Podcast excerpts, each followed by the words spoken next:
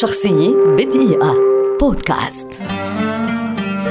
أحمد زويل عالم كيميائي مصري أمريكي شهير ولد عام 1946 ويعد رائد علم كيمياء الفيمتو ولقب بأبو كيمياء الفيمتو وهو أستاذ الكيمياء وأستاذ الفيزياء في معهد كاليفورنيا للتقنية وأحد أبرز وجوه العلم على مستوى العالم. التحق بكلية العلوم جامعة الإسكندرية بعد حصوله على الثانوية العامة وحصل على بكالوريوس العلوم بامتياز مع مرتبة شرف عام 1967 في الكيمياء وعمل معيدا بالكلية ثم حصل على درجة الماجستير عن بحث في علم الضوء. سافر إلى الولايات المتحدة الأمريكية لمواصلة دراسته في منحة دراسية وحصل على درجة الدكتوراه من جامعة بنسلفانيا في علوم الليزر ثم عمل باحثا في جامعة كاليفورنيا قبل أن ينتقل للعمل في معهد كاليفورنيا للتكنولوجيا منذ عام 1976 وهي من أكبر الجامعات العلمية في الولايات المتحدة. حصل على الجنسية الأمريكية عام 1982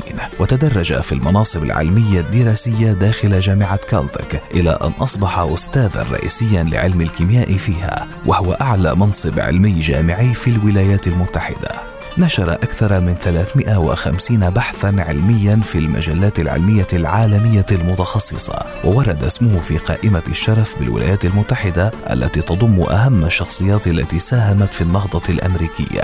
في يوم الثلاثاء الحادي والعشرين من أكتوبر 1999 حصل أحمد زويل على جائزة نوبل في الكيمياء عن اختراعه لكاميرا لتحليل الطيف تعمل بسرعة الفيمتو ثانية ودراسته للتفاعلات الكيميائية باستخدامها. ليصبح بذلك أول عالم مصري وعربي يفوز بجائزة نوبل في الكيمياء وليدخل العالم كله في زمن جديد لم تكن البشرية تتوقع أن تدركه لتمكنه من مراقبة حركة الذرات داخل الجزيئات أثناء التفاعل الكيميائي عن طريق تقنية الليزر السريع. في الثاني من أغسطس 2016 رحل العالم الدكتور أحمد زويل في الولايات المتحدة بعد صراع مع المرض عن عمر ناهز سبعين عاما.